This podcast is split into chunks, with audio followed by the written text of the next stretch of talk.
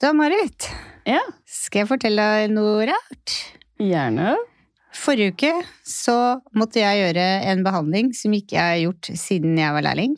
Oi, Og det var spiralpermanent. såpass, ja. Ja. 140 spoler. Ja. Er det sant? Ja, Hvor lang tid brukte du? Eh, Alt i alt, med klipp, så tok det Og opprydding etter fire timer. Ja. Men når det er sagt, da, så er det 5000 kroner en sånn behandling koster. Så det er absolutt verdt det. Man må bare ha god tålmodighet. Men det som var gøy, var at eh, jeg tenkte, når jeg fikk det med sin, jeg tenkte jeg pokker, ass, det har ikke jeg gjort på så mange år. Men det sitter jo i fingra.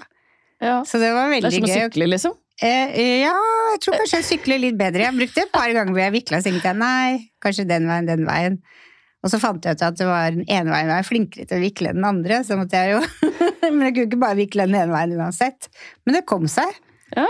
Og utrolig rock, så så det reint og fint ut. Jeg har filma det òg.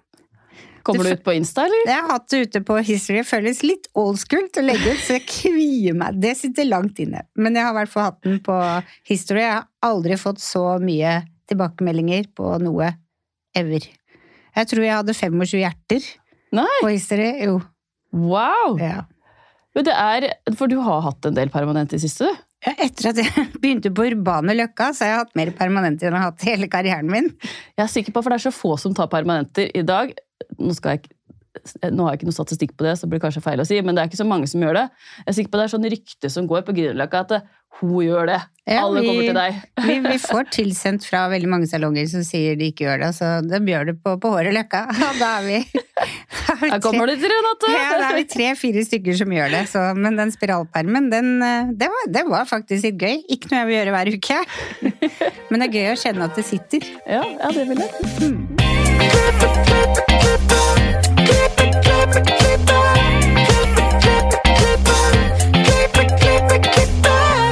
Jeg kommer til Hårpodden. Jeg heter Ann Marit. Jeg heter Renate. Ja, Renate. Bortsett fra permanent, hvordan har uka di vært? Uka mi har vært eh, bra. Jeg har vært på racercut-kurs med Juliette, som jobber hos oss, som har vært på kurs med Elliot Jørgen Beck. ja, Så det var veldig, veldig gøy. ja, så gøy. Ja, Hvor var dette hen? de hadde det i eh, på kontoret på Frogner, på Riddervolls plass, hos Aveda. For de jobber jo for Aveda Bubble og Bubble. Ja, stemmer det. Ja. Så gøy. Ja, det er litt gøy å se at ting kommer tilbake og er så hot. At det ikke bare er fade, men nå er det liksom litt mer tekstur på gutta, litt mer lengder. Mm. Så det, jeg lærte, lærte en del nytt av uh, Julietta, sånn som jeg aldri har tenkt over før, men som jeg bare har gjort. Ja. Så det var gøy. Hva med deg? Du, det er et under at jeg er her i det hele tatt. ja, det skjønte jeg i natt. For jeg var i Bergen i går og holdt kurs, og nå har vi jo fått snø, ja. Og det påvirker jo alt. ja. Så jeg satt vel på flyplassen i seks timer og tenkte kommer jeg til å sove over i Bergen, eller kommer jeg meg til Oslo? Og jeg kommer meg til Oslo til slutt, men da kom jeg kvarter seinere enn det siste toget Nei. som går til Askim. Hva gjorde du da? Da setter jeg først melding til deg. Ja, jeg sov! Sorry! Du, du må ringe Kittil, han er alltid våken. Ja, jeg skal huske det neste gang. Ja. Jeg sov hos en annen venninne som bor på Grünerløkka, faktisk. Ja. Så jeg sendte melding til henne klokka tolv, så bare 'Er du våken?' Stakkar. Ja, men hun var våken, så jeg låste meg inn. og Så det ordner seg Ja, så bra, for jeg sa det til Kittil i dag, så bare så på meg sånn Herregud, du sovna ni i går med telefon på lydløs. Så det, ja. Beklager det. Nei, det går veldig fint. Jeg har flere venner i Oslo. Jeg skal sende deg nummeret hans, så du kan ringe han neste gang. Ja. Men vi sitter jo ikke her aleine. Nei. For dagens gjest begynte sin karriere som ryddehjelp i familiebedriften Salongen Finn og Gunnar. Velkommen til oss, Bernt Erik Henriksen. Ja, takk. Hei. Hei, så hyggelig å ha deg her. Takk for at jeg fikk komme. Veldig hyggelig. Hvordan starta din karriere? Den starta vel at eh, det var vel alle mor og far drev jo salonger gjennom flere generasjoner. Og det var vel med å være med tidlig inn i disse salongene, så jeg vel følt at jeg omtrent har vært med siden jeg krabba. Og syntes dette var spennende egentlig, så det blei med som eh, hjelpegutt. Eh, på lørdager eh, når man hadde tid, eller andre ganger midt i uka, og blei til at man tok telefonen i resepsjonen, man begynte å vaske hår, man begynte å farge hår, man skylte ut hår, man begynte å bleke, man tok hull i ørene. Jeg gjorde masse i disse salongene, så det var jo veldig spennende, syns jeg, å få lov til å være med på. Samtidig som det var jo full fart med flere salonger og akademi. Eh, Så ble det jo etter hvert videregående skole med økonomi. Så tok jeg etter hvert der så tok jeg også da EDB og Markedsskolen, som det het den gangen. Og synes, da trodde vi at det, i hvert fall, og vi mente at eh, data ville komme mer og mer, så dermed så var det greit å kunne data. Det var ingen dum tanke. Så jeg synes jo det var greit. Og litt markedsføring hvis man skal fortelle hvem man er ute i den store verden. Ja. Og så ble det et år inn i militæret. Og etter det så har det, holdt på å si Nei, resten er historie, er det ikke det man sier? Jeg har vært i familiebedriften siden. Eh, Hvor kommer navnet fra, Finn og Gunnar? Finn og Gunnar kommer fra min far.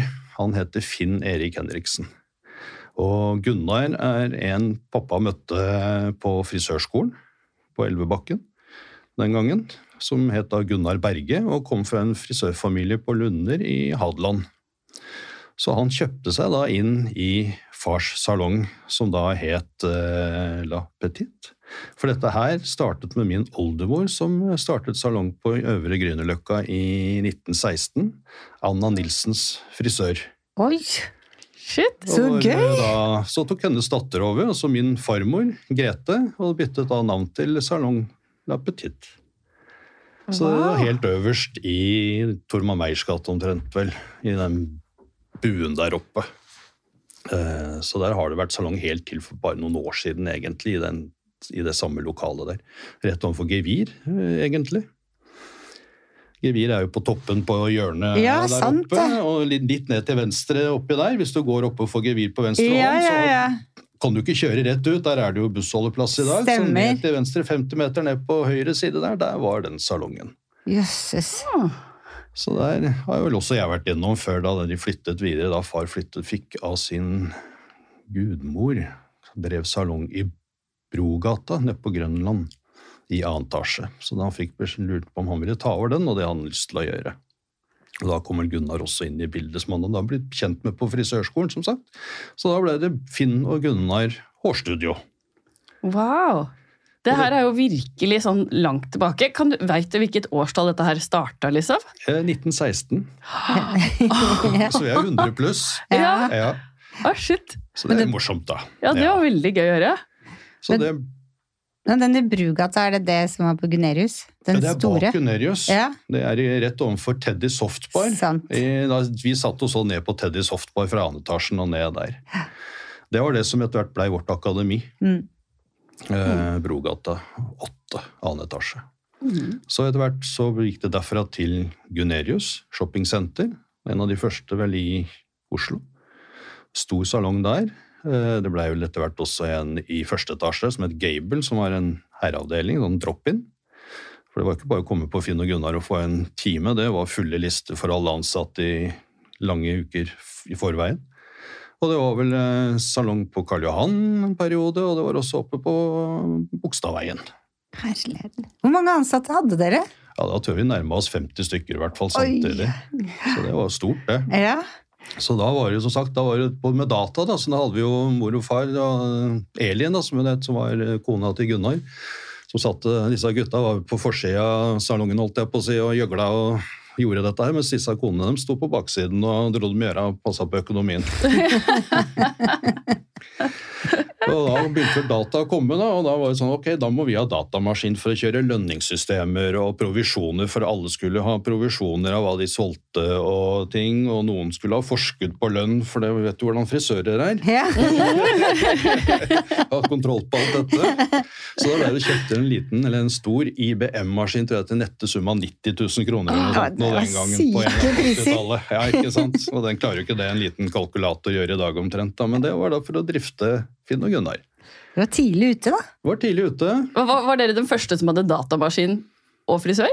Ja, det kan godt hende. Ja, det høres litt da- sånn ut. Så kom eh, far borti en fyr som het eh, Jeg husker navnet helt, men han kom fra Tandberg Data.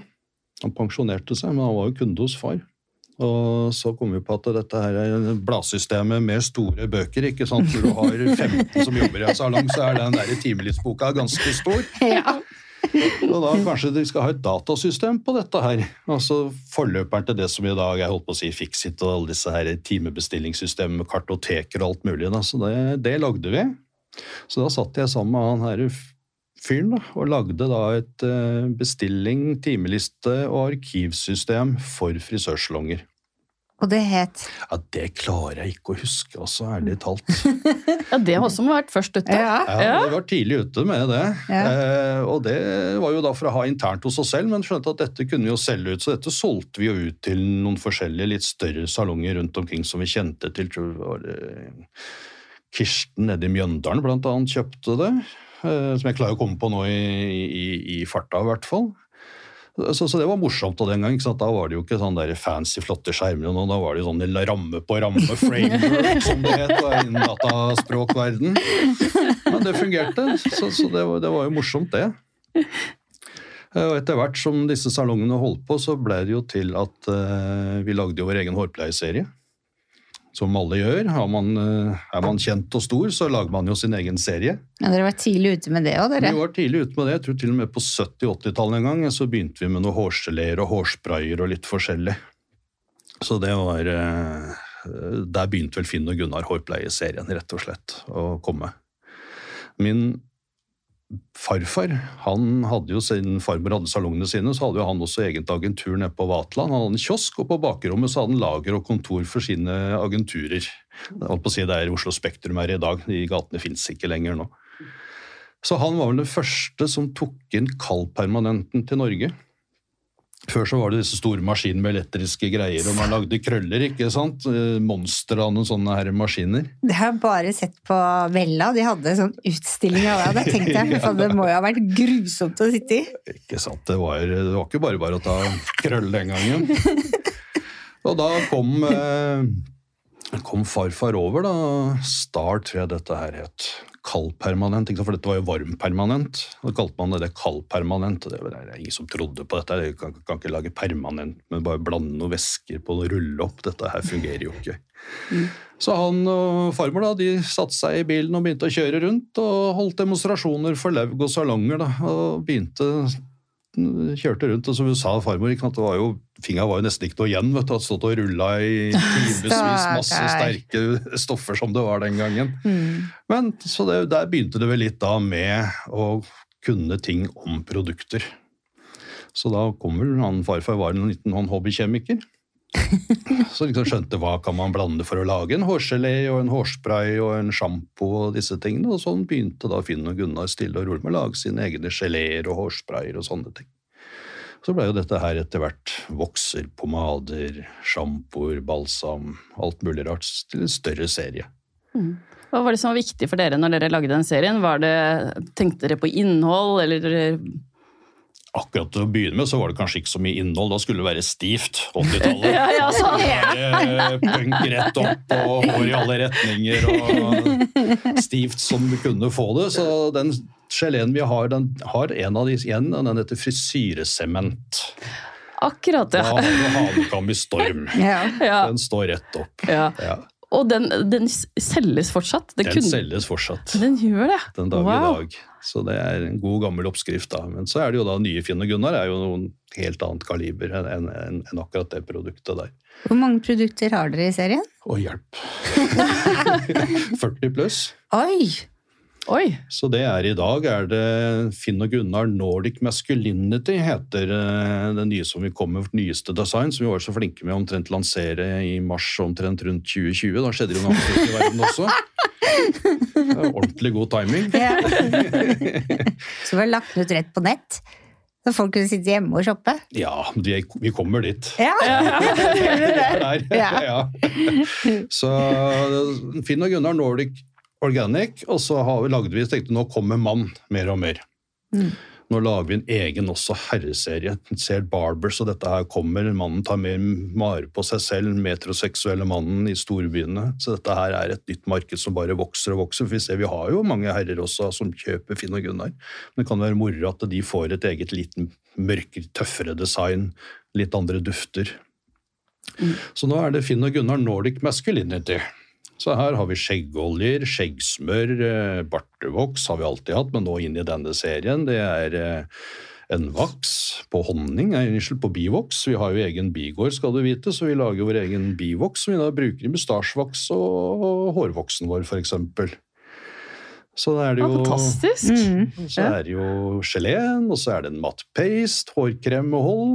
Og så har vi tre sjamposerier, og da har vi altså frequent use for alle. Sjampo, balsam og en four-in-one-sjampo. Vi gutta skal ha til å gå fort, så ja, har det var derfor, ja. skjegg, ansikt og kropp. Four in one. Her er ikke to igjen eller tre. Nei, nei. Four in one. Den er populær. Den, Ja. den går unna. Og så er det selvfølgelig en serie for eh, farvet behandlet bleket hår. Eh, Og så har vi hodehusproblemer. Ja. Og de samme sjamposeriene finner du da i hovedserien Finn og Gunnar Nordic Organic. I tillegg til disse stylingproduktene i krukke, så har vi tre hårsprayer. Hairspray, eh, vanlig god fast hårspray. Så har vi Heat, en varmebeskyttende spray. Og så har vi Arctic Sea, som er vår saltvannsspray. Det som vi har gjort nå med alle disse produktene, er at istedenfor å bruke aloe vera, sheasmør, jojoba, alle disse flotte produktene som de fleste bruker, så tenkte vi at vi er jo, holder jo til i Norge. Vi har jo mye flott ute i naturen, vi, vi også. Ja, Vi har tang og tare, vi har tinnved, vi har rosenrot, vi har multer, vi har blåbær. Så disse produktene eller råvarene finner du nå i Finn og Gunnar. Så Så da har vi en norskprodusert hårpleieserie med norske, nordiske råvarer. Ja, Fantastisk. Vegansk. Det er fantastisk. Men de, de der bikubene dine, hvor er de? De står ved siden av kontoret. De gjør det, ja. Ja da, Der står de og dundrer og går hele sommeren gjennom. Så der lager vi masse honning, så vi selger jo honning også da ved, ved siden av. Er, det, er du med på å tømme den? Jeg vet, du, Dette er det min bror som gjør. Ja. Geir, Geir Erik. Han var vel ikke så interessert i å holde på med dette som jeg har gjort, så han har gått sine egne veier. Så han begynte først å ville bli tømrer, eh, og gjorde vel ferdig nesten det. Så fant jeg at han ville ikke bli tømrer, han til mor og fars store fortvilelse, sånn omtrent rett før eksamen. Han skulle bli kokk. Oh, ja. Så han ble kokk.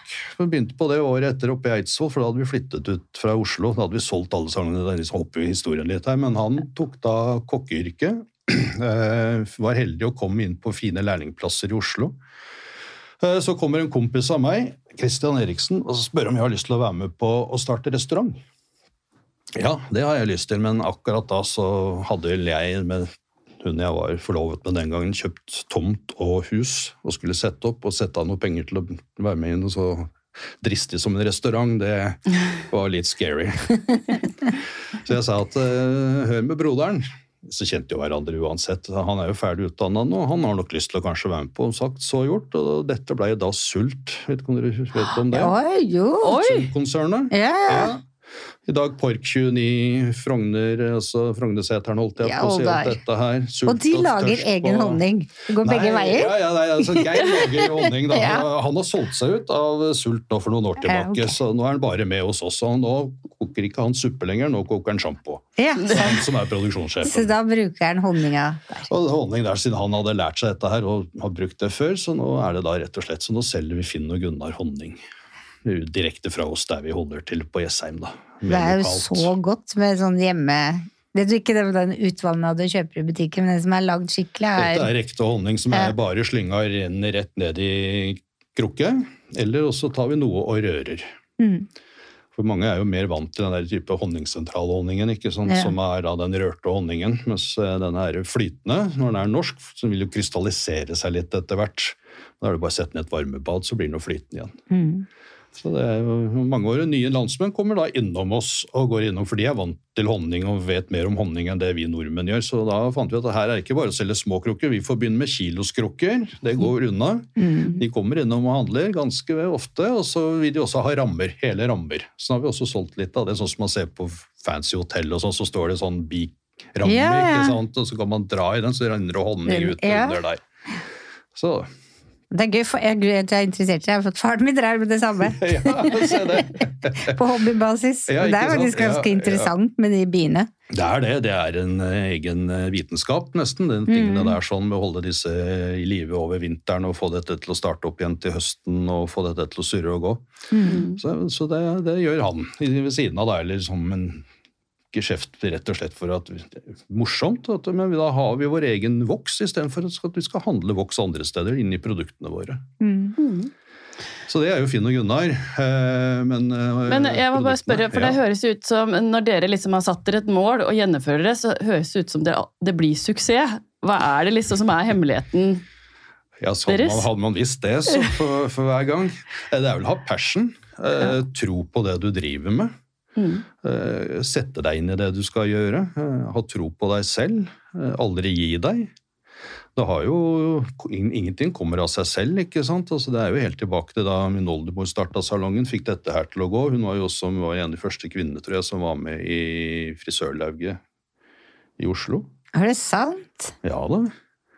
Og så kommer farmor, som bare da driver salongen og er fornøyd med det.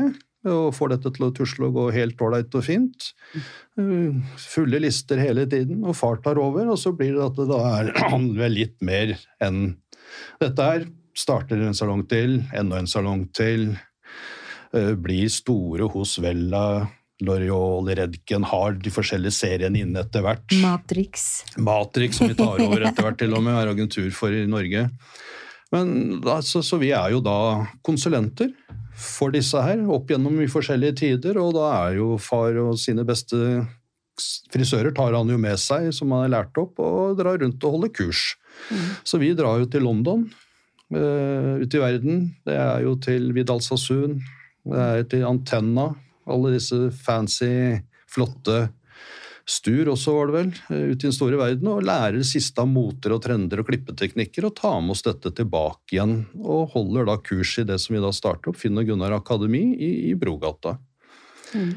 Og da ser vi at de som er tente og vil være med på dette av våre frisører, de blir jo da tatt med å få lov til å oppleve denne verden med å være ute og holde på da, og så være på messer ute i den store verden. Og som far også sa, det er ikke bare alltid å være på disse her kursene, men det å sitte på en kafé i en eller annen gate i London og bare se på menneskene gå forbi, det er jo inspirasjon i seg selv, ikke sant? Mm. Så det er viktig å komme seg ut og ta med seg ting tilbake. Selv om ting er klin gærent, så går det an å bruke i hvert fall noe av det du ser, da, ikke sant? og tilpasse det i det markedet du er. Mm. Så, så da, da hadde vi allerede begynt med våre egne produkter. Også, så da var det jo litt sånn at folk kom inn og sa egen gelé, så morsomt, da kan ikke jeg få lov til å kjøpe denne geleen og ha den i salongen min, f.eks. Altså, da ble det jo, jo selvfølgelig så morsomt at du ville ha det. Så sånn ble det til at Finn og Gunnar havna jo overalt i hele Norge, hos mange salonger. Og det er jo fortsatt kunder som kjøper den dag i dag, eh, salonger Finn og Gunnar. Så det er jo morsomt. Og det var jo også, Han hadde jo noen som var parfymører, da, som hadde parfymerier. Og de drev egne parfymerier i Oslo. Da syntes så fint kan ikke jeg få lov til å selge hårproduktene dine i parfymeriet mitt? Selvfølgelig, kjempehyggelig og morsomt det. da, så Sånn begynte dette stille og rolig. og Disse her parfymeriene de ble jo etter hvert av store kjeder som Parfymell og Estetikk. ikke sant? Så vi har jo vært inne i disse kjedene og vært landsdekkende med Finn og Gunnar-produktene våre. Mm. dere har gode relasjoner, da. Selvfølgelig. Ja, ja. Det er vanskelig hvis man ikke har gode relasjoner. Det er det, ikke sant? Man må kjenne og komme inn på riktig måte og Mm. disse forskjellige veiene. Da. Så det er jo også på den måten at vi også da havnet inn i helsekostbransjen. Det er jo da gjennom Organic Color System. Disse fargene er som alle andre store merker, så har jo også de farger for videresalg. Disse fargene heter Tints of Nature, og de får dere jo på helsekost over hele landet. De ligger jo hos Life og Sundkost og Kinsarvik og alle disse her. Og da begynte jo det sånn da, Før så var det bare frittstående helsekoster. Men så var det en som var daglig leder en periode for Parfymell. Han har et Hallgeir et eller annet, og så han ville starte og så at det helsekost det går an å lage noe ordentlige greier ut av. Noe kjededrift, for her er det bare masse små sa- sa- butikker rundt omkring. Som sagt så gjort, så han lagde da Life-kjeden. Nå gikk vi og banka han på skulderen og sa at du vet jo hvor mye hårfarge som selges gjennom parfymerier og dagligvarer og sånn. Hvorfor ikke tilby en renere og bedre hårfarge da igjen som passer inn i systemet, inn i en helsekost? Veganske, plantebaserte hårfarger, som da Organic Color er. Mm. Og da kommer vi inn på organic, holdt jeg på å si. da. Jeg vet ikke hvor vi skal begynne for å få på oss alt her. Eh, vi er vel tilbake igjen på begynnelsen av 90-tallet omtrent, vel. Da er vel jeg ut av militæret etter hvert, og vi holder på med Finn og Gunnar og selger dette her. Jeg er med da og reiser rundt og besøker de kundene vi har, og så får vel man vite far at det er eh, Soma AS er til salg. Sotos Matrix, forkortelsen for agenturet. Dette er nytt og spennende, dette er litt morsomt. Dette har vi lyst til å være med på. Så han kjøper seg inn i dette her, får med en god venn, en god nabo oppe på Kjelsås, Arne Bjørdal. Og så får han med seg Gunerius Pettersen. De som eier Gunerius Pettersen og familien. ja. Faren der det er pappaen til Tutta, hun golfspilleren. Ah, Så, så de har vært med holdt på med import av kosmetikk Det til er det Norge. vinnerlaget, du. Så vi gjorde det noen år. Og da var jo jeg med i dette her, så da ble jeg jo plutselig selger da, for eh, og egne produkter selvfølgelig, men i tillegg da Sotos og Matrix-produktene. Og dette ble etter hvert delt opp i flere deler i landet, altså forskjellige leverandører rundt omkring, men vi hadde jo da Oslo og Østlandet. Heidenstrøm har jo alltid hatt Østfold, ikke sant? Mm. Så det er eh, Etter hvert så har vi lyst til å være bare for oss selv med Finn og Gunnar. Så vi selger oss ut av dette. Da blir jo også Sotos borte. Det blir kjøpt opp av Susheido og blir tatt ut av eh, vårt agentur. Da sitter vi igjen med Matrix og ser at eh, nei, vi har nok lyst til å holde på mer for oss selv med Finn og Gunnar og videreutvikle dette videre, så vi selger oss ut. Og da selger vi vel alle salongene, og mor og far finner da en eh, herregård på Feiring oppe ved Mjøsa, litt nord for Minnesund. Så dit flytter vi. Det høres så og idyllisk ut. Ja, det var virkelig flott. Og der drev dere og lagde produkter Der lagde vi produkter og så hadde import på da, så da kom vi over først så kom vi over da noe som het Hayashi, et amerikansk eh, merke med da hadde en, en spray som het Freeze It, som var veldig populær. Så den solgte vi jo til salonger, solgte, gikk rundt og banka på dører som man gjør da. Finn og Gunnar, så er jo noe annet spennende. En flott amerikansk hårplese i Hayashi, lagd av en dame som heter Hayashi japansk, men hadde egne salonger i USA og begynte å lage produkter og blei stor verdensomspennende. Fant denne på Bologna vel på messa der nede. Det er jo Norge, verdens største hårmesse, ikke sant? så det er jo et sted man drar for å se hva det er nytt og spennende og artig. Nå kom vel over. Hadde hørt om Ayashi, og så var det et par gærne gutter som hadde prøvd det agenturet i Norge. Det gikk ikke helt, så da tok vi og kjøpte opp det konkursbo med kundelister, og så starta vi, vi tok med oss det inn i systemet vårt. Gjorde vi det noen år, eh, så rota de det litt til med oppskriftene sine, så det blei litt klabb og bam med at produktet ikke holdt god standard. Og da fant vi ut at da må vi finne noe annet. Og da kom vi vel over og ser vi Organic Color System. Og tenker, ikke sant, som far vet at hvor mange frisører har ikke slutta altfor tidlig i bransjen ikke sant, av allergier eller tåler ikke, og det er sterkt og det lukter mye, som i hvert fall ting gjorde tidligere. Så da kom vi over Organic Color System og får agenturer på dette. Jeg tenkte dette her er fremtiden. Dette er jo noe som er bra, som tar vare både på frisøren og kunden, og ikke minst miljøet. Så det er jo ned og lære da, og få opplæring av dette her av disse som har starta det. Dette er jo da lagd av en som heter Steven. Han blir dårlig i sine salonger på 80-tallet i London. Får beskjed av legen, som dessverre mange frisører kanskje gjør den dag i dag også, at dette her du jobber med tåler ikke, så du må nok omskolere det. Syns vel det er en dårlig idé. En Alle gründertype. dårlige frykt. Ja. ikke sant? Men han er vel en gründertype og syns nei, dette her er dårlige greier. Det må jo finnes noe renere enn det jeg har av hårfarger i dag, som jeg blir dårlig av. Og prøver å finne ut hva er det egentlig en farge. Det var nesten ikke en uh, innholdsfortegnelse engang på den tiden. Eh, Så har han en venn som er litt flink med kjemi. eh, Driver bondegård til og med, faktisk, denne karen. Så disse slår seg sammen og holder på noen år. Finner ut hva er en farge lagd av. Her er jo ammoniakk, det er ressursnol, det er fargepigmenter, det er PPD, det er PTD, det er alt mulig rart. Det er parfymer, det er vannstoff, hydrogenperoksid. Alle disse tingene, Hva er det det egentlig gjør med et hår? Jo, det hever jo pH-en på håret, så håret åpner seg så fargepigmenten skal komme inn. Dette er jo sterkt. Kundene sitter og klør, har vondt i hodebunnen, vi frisører blir svimle, det lukter, det er mye rart. Kan vi ikke gjøre dette på en annen måte? Så han skjønner vel at dette her kan man gjøre på en annen måte. Så han kommer da fram med da sin farge, lanserer den på begynnelsen av 90-tallet, som heter da Organic Color Systems. En plantebasert hårfarge uten ammoniakk, uten resorcinol. Vi kan jo ikke trylle, vi må jo ha fargepigmenter vi òg, som, som alle andre, men må gjøre dette her på en litt annen måte. Vi vasker håret først. Dems er jo håret rent. Er håret skadet, ødelagt, så er vi gode horologer. Så sjekker vi jo håret til kunden, ikke sånn som alle har lært. at Hvis du fukter et hårstrå, så kan du jo dra det. 30% kan jo gå ut, så går det fint tilbake hvis det er sunt og normalt. Eh, kan du bare dra og dra og dra dette året og nesten ikke går tilbake eller bare tvinne Det er jo ikke sånn, som vi kjenner til. Så er det jo kanskje litt lite protein. Det er bare. Da må vi kure først, lærte vi an. Så da kurer man, og dem så får du jo spenst tilbake i håret, og dem får jo også fargepigmenten å feste seg til inni håret. ikke sant? Så vi kurer opp håret før vi farger.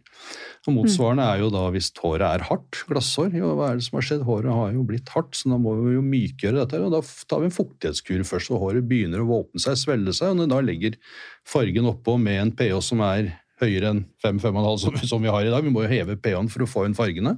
Men vi trenger ikke eksplodere opp håret. Vi kan åpne håret mer forsiktig. Så vi ligger på en pH på under 10.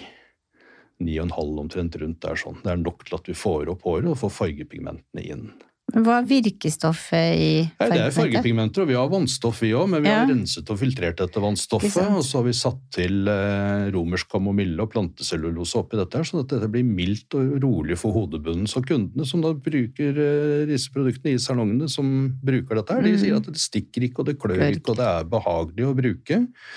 Du får ikke en malende farge, men du får en naturlig farge som dekker håret ditt. Den sitter heller ikke i hodebunnen, så du ser jo ikke at du er farga med en gang heller. Men det inneholder ikke MEA, PPT, ammoniakk, ingenting. Det er bare fargepigmenter Fargepigmenter. og vannstoff. Og vannstoff. Ja. Og så er det bygd på oliven, er jo hovedråvaren. da.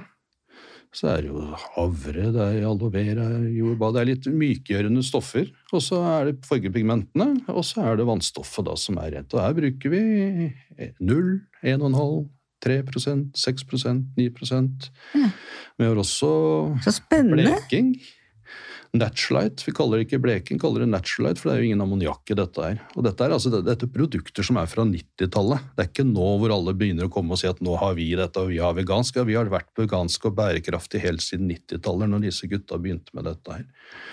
Så her får du mange grønne salonger rundt omkring da i Norge som bruker Organic Color Systems. og synes å hate siden. Og vi får hele tiden ramler til noen som da finner hjemmesidene våre, søker opp, og så finner de og så sier vet du hva, nå har jeg så vondt i hodet, jeg har vondt i fingra, jeg klarer nesten ikke å farge lenger. Og kommer til oss og prøver og kan da fortsette som frisører, f.eks. Så det er jo hyggelig at de gjør det. Kanskje de skulle gjort det før. Og vi håper at flere vil finne oss etter hvert også, men vi har vår grunnkundegruppe på dette her. Fantastisk! Så dette er jo det vi har kjørt rundt med, da, og holdt kurser, ta med dem ned til produsenten i England hvor dette der holder til. Så de får sett hele fabrikken. Vi skjuler ingenting, det er ikke noe hokus pokus eller noen ting, så vi er bare glad med å ta med oss kundene våre til eh, produsenten og ha hyggelig kurs der og litt gode kvelder med mat og drikke og Men er det typisk grønne salonger som tar inn dette her, eller Det er var det mye det til å begynne med, de Ja. som hadde et fokus på det og ønsker det også i, i dag, men vi ser at det er flere normale salonger, for å kalle det det, da, og som jeg også sa, den andre som føler at det kanskje det er på tide å tenke. Jeg syns det er slitsomt, dette er vondt, jeg er ikke i form når jeg er ferdig med arbeidsdagen min, og prøver å finne noe der ute, da, så finner de oss. Så vi har jo stått på NM i mange, mange år. Bare ikke de siste årene. Da har vi litt følt at da bruker vi heller pengene nå mer på å ta med oss kundene ut til utlandet, ned til produsenten, og gjøre sånne ting istedenfor. Nå har man jo internett og forskjellige Folk kan jo finne deg rundt omkring. ja, sant. Mm. Blei du frisør til slutt, eller gjorde du ikke det? Nei, det blei jeg aldri. Nei, du gjorde ikke det? Nei, Jeg gjorde Nei. ikke det. Salongene blei jo solgt. Ja. Ja, ja. Og da tenkte nei, da, jeg tenkte jo at det var, tanken var at jeg skulle ta over alle salongene, og det lå jo litt i kortene fra, fra tidligere. Men så ble det jo som sagt da, mer økonomi og data, og så ble det jo da militæret, og så ble vi jo da ferdig med Vi solgte jo alle salongene, og da tenkte jeg nei, da trenger jo ikke jeg være frisør, for det skulle, jeg tenkte at jeg må i hvert fall være frisør, så jeg kan ligge på samme plan som de sier jeg skal være Lede. sjef for, holdt Ja. på så lede. Så man vet hva man prater om, og jeg syns jo det er kjempeartig. Mm. Det er jo virkelig morsomt, dette yrket, å få være med rundt og se hvordan dere holder på og holder kurs. ikke sant? Vi hadde jo masse kurs i Finn og Gunn, jeg husker jo det, jeg som liten gutt. altså, ja, Begynnelsen av 80-tallet. Far hadde jo masse kurs i Oslo, eller show. Mm. Det var jo på Cats, og det var jo overalt. Og jeg husker en gang så kom det inn tre-fire karer og begynte å kle av seg og barbere seg og skeive leggene. Så gøy! Og kle seg ut som drag. Det var jo da gutta Olav Klingen og disse, altså Ja. Great Garlic Girls. Litt før de ble veldig store, holdt jeg på å si, så brukte vi de noen ganger på, på kurs. da. Mm. Og de måtte til sine parykker ha noe som var veldig stivt. Så disse her svære oppsettene sto virkelig i alle retninger. Så da lagde vi egen spesialstiv hårspray til dem. da. Så de fikk disse parykkene til å stå stivt, så de, som de sa, kastet i veggen, og så kunne de stå der når de tok spratt tilbake igjen. Og savner du noen gang den pulsen som er i, i salonger? Ja, det syns jeg var jeg, jeg trivdes veldig godt med Ja. det. Det var et eget driv. Altså, og alt det sosiale og nye kunder og ta imot kundene, sette dem i stolen. Og det er jo noe vi også lærer salongen i dag når vi er ute og kurs. Vi har jo tatt med oss videre av mye av dette som vi gjorde med Finn og Gunnar den gangen. Liksom at det ikke bare er sånn rett i vasken og vaske, og så ser vi at hun, fru Hansen hadde sju en forrige gang. Samme i dag er du fornøyd, og så samme farge, men liksom sette oss ned, sette oss ved siden av kunden, spørre hva er det du ønsker, var du fornøyd sist gang? Er det ny kunde? Hva jobber du med? Hvem er du egentlig? Så at vi kan lage en klipp som passer da, til kunden. Men var det sånn at dere bare bestemte dere for å selge salongene og starte med å bare bruke all energi på agentur, eller Ja, var det liksom det blei vel det. Mor og far Ja. gjorde det, rett og slett. At de var nok litt Det blei mye. Det blir for mye, for dere hadde jo mange baller, store baller i lufta. Mange store baller i lufta, og tenkte nei, nå satser vi på så at Finn og Gunnar var blitt så stort at dette kunne de leve av selv. Ja. Sammen med da disse andre agenturene som han hadde ved siden av. Men det, må vært, det kan ikke ha vært en lett avgjørelse hvis det var fra 1916, var det du sa? Ja, ja, Ja. med salonger, men da hadde jo Finn og Gunnar produktene, da, så vi følte at dette lever videre gjennom, gjennom dette. Mm. Om det kanskje blir en ny Finn og Gunnar-salong en gang, det vet man jo aldri. Ja, For det er ikke noen Ja. barn som er sånn frisørspirer som står og knirker litt på den låsen? Ikke ennå, selv om jeg er blitt gått opp i årene, holdt jeg på å si, så kom vel jeg litt seint i gang, så min eldste nei, datter er vel 18. Ja. Og hun er nå i Roma og studerer til filosofi. Ja. Og det er jo spennende, så jeg og kona mi hadde jo en tur til Roma her nå for å besøke. Ja. Så det er stas. Det er veien kort til Bologna da, og en messe. Ja, da. sant! Og påvirka den veien, til å se inn i frisørbransjen. Ja, vi, vi får se. Altså, jeg har fått tre jenter. og Den eldste er 18, og broren min han har fire gutter. Og han eldste Linus er noen og tyve, og han syns at film er veldig morsomt, så han har gått filmskole og holder på med det. Så, så, så vi får se. Kanskje Ja. noen av de andre etter hvert syns det er spennende, men jeg holdt på å si, vi driver jo litt barnearbeid da, Ja. eh, borte hos oss, og hvis vi skal fylle litt produkter, sånn, så hender det at disse unga våre litt er med og De er involvert. og etiketterer og holder på litt. Da, jeg tenker sånn, at han. Linus er god å ha på reklame, lage reklamefilmer for produktene deres og sånn, ja. Jeg har i hvert fall fått én reklamefilm ut av han, så vi får se om vi ikke får litt mer etter hvert. Ja. Ja, så det Så er, spennende. ja da, Vi har ti kjappe spørsmål da. se det. Ja, er du klar? Ja da. Farge eller klipp? Åh, farge. Ja. Favorittprodukt? Og jeg bruker eh, vaks, hårvaks. Ja. Langt eller kort hår?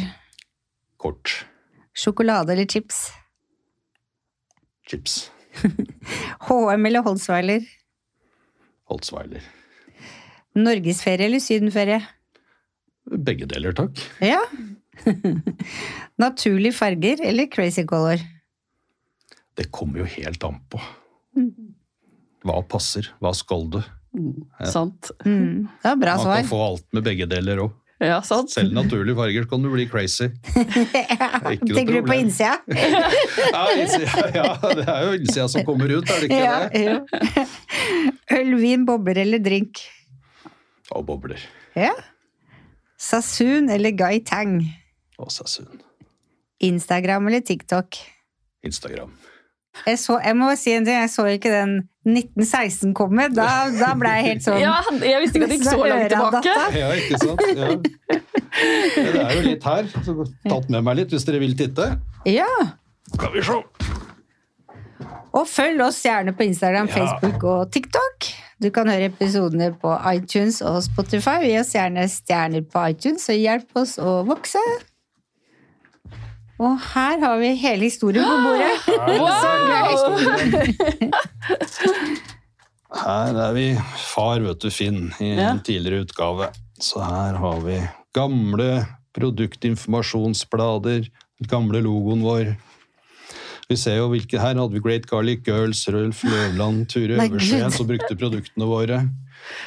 Det var jo en Kate når hun skulle være på eh, Eurovision. Da var det vi som lagde håret. Det som sto Det som ut står i ut i alle alle kanter. Wow! Ole Idole. Ja, jeg kunne nesten Ja. tenke Krøll og alt i alle retninger.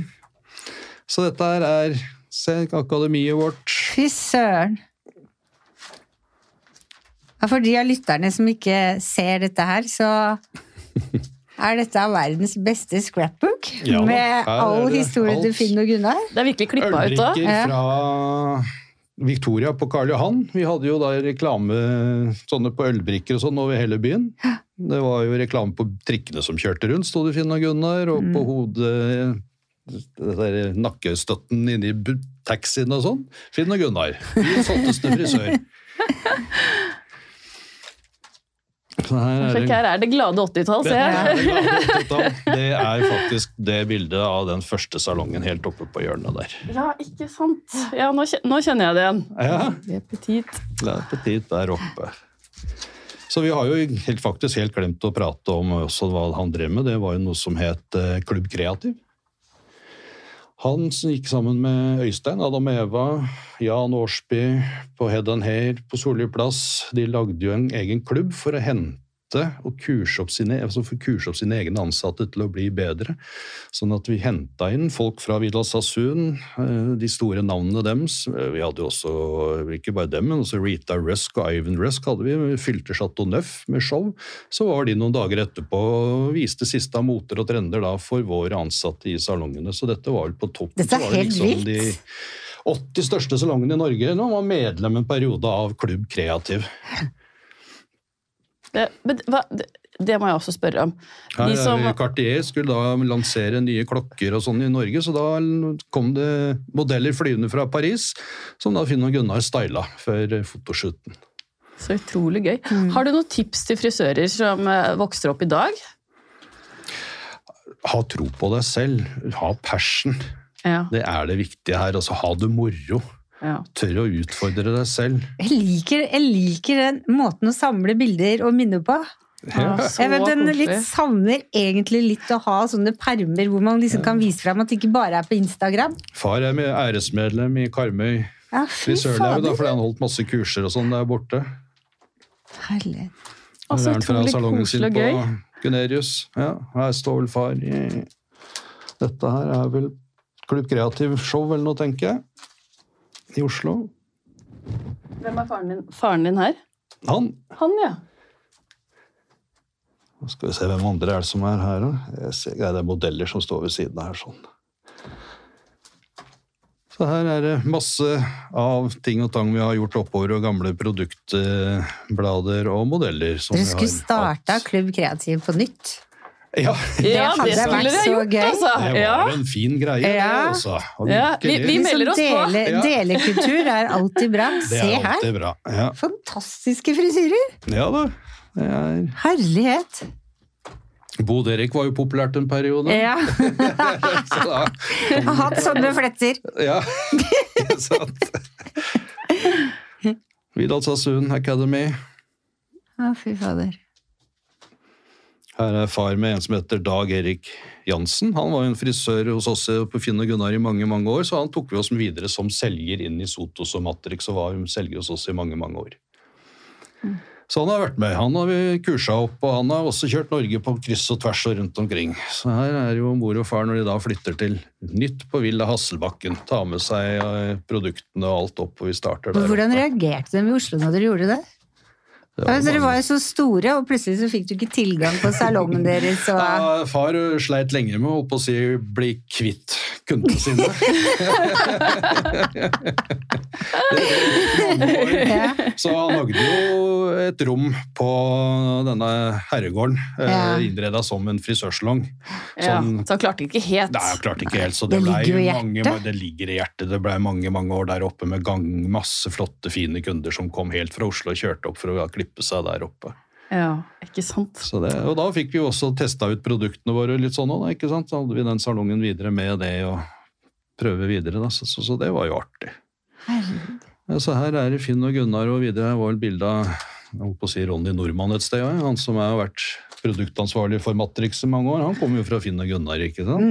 Mm. Hei, Ronny, hvis du hører. så her er det, ja. Blir det nyere tid. Ja. Eller er honningen, ja. Det er honningen. Oppe på Villa Hasselbakken hadde vi akademi. Så her også henta vi konsulenter og opp og hadde kurs og show.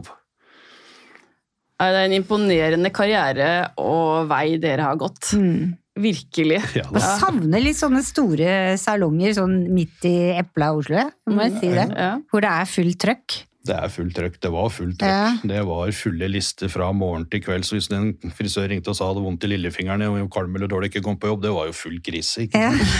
Hvor skulle du gjøre alle disse kundene og ringe, og ringe rundt og plassere dem andre steder? og Ja, det gikk ikke, det. Nei, det gikk nesten ikke. Vet du. Så det var, nei, det var, det var en artig periode, det. Så det var mye morsomt. Lagd serie for Bellona sammen med Øystein, Adam og Eva. En egen bærekraftig ren serie en gang på 90-tallet prøvde vi oss på. ja. Da kunne kundene komme tilbake igjen ikke sant? og fylle opp på femlitere i salongen. Kjøpte først én flaske, og når den var brukt, så kom vi tilbake, og så pumpa vi opp til en rimeligere pris til Herregud, så gøy. Det var, synes Bellona det var smart. Det Ja. er jo resirkulering, det er bærekraft. Og det var Se, veldig sant. tidlig ute. Ja, tidlig ute. Ja. Ja. Det kunne være spennende å være en del av så innovativ familie.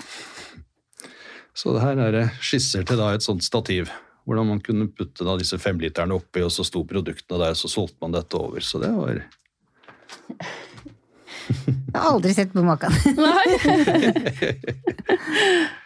Nei, så det var ja, det har Yashi, som jeg nevnte på. Ja. Ja. Her kommer nyere, moderne tid. Alvi, Litt oppe av Hasselbakken var jo et gammelt sånn pensjonat også. Så da ble det til at vi drev litt grann som pensjonat og pub. Så på kveldstid, altså så når helgene kom, så gikk jeg fra kontoret, og så børsta jeg støv av puben fra forrige helg, og så fikk vi hadde for spritservering. Så da hadde vi pub i Lille Feiring. Starta vi det. Så det var veldig hyggelig. Så da ble man jo fort kjent med lokalbefolkningen. Ja, ja, herlighet. Det er jo et samlingspunkt. Så det var veldig artig. Det var en morsom periode. Men så blei det for stort og alt mulig, og vi holdt på med våre ting, så da, da flytta vi, måtte ha et nytt lokale, så det er der vi er nå. For 20 år siden omtrent flytta vi ned til. Ja, ja, ja, nesten. Så nå har vi vært på Jessheim, og Jessheim er sentralt, syns vi nå. Det er motorvei i begge det. retninger, flyplassen rett Ja, ved er siden av, som du sier. ikke sant, Kom hjem, det er eh, fem minutter, så er du hjemme. Ja. Slipper å ringe kollegaene som ligger og sover. Tusen, tusen takk for at du fortalte din historie. Jeg kjenner at jeg er skikkelig inspirert. Jeg også. Jeg har jo egentlig bare lyst til å høre mer historie, for det er jo det som er gøy. Tusen takk for at jeg fikk komme og fikk lov til å prate om det vi har holdt på med. Jeg at du ville dele det med oss, alle lytterne. Det. Ja. det liker vi. Ja, det er igjen, jeg må bare si, det er en helt unik historie dere har. Ja. Ja. Tusen takk. Ja. Vi må fortsette videre, vi. Ja, dere må dere gjøre. Ja. Og følg oss gjerne på Instagram, Facebook og TikTok. Du kan høre alle episodene på iTunes og Spotify. Og vi vil ha mange stjerner på iTunes, så vi vokser enda større. Og så høres vi neste uke. Ha det bra!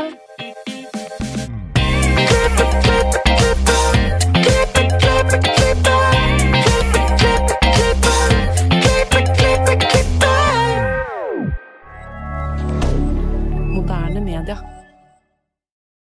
Har du et enkeltpersonforetak eller en liten bedrift? Da er du sikkert lei av å høre meg snakke om hvor enkelt det er med kvitteringer og bilag i fiken, så vi eh, gir oss her, vi. Fordi vi liker enkelt. Fiken superenkelt regnskap.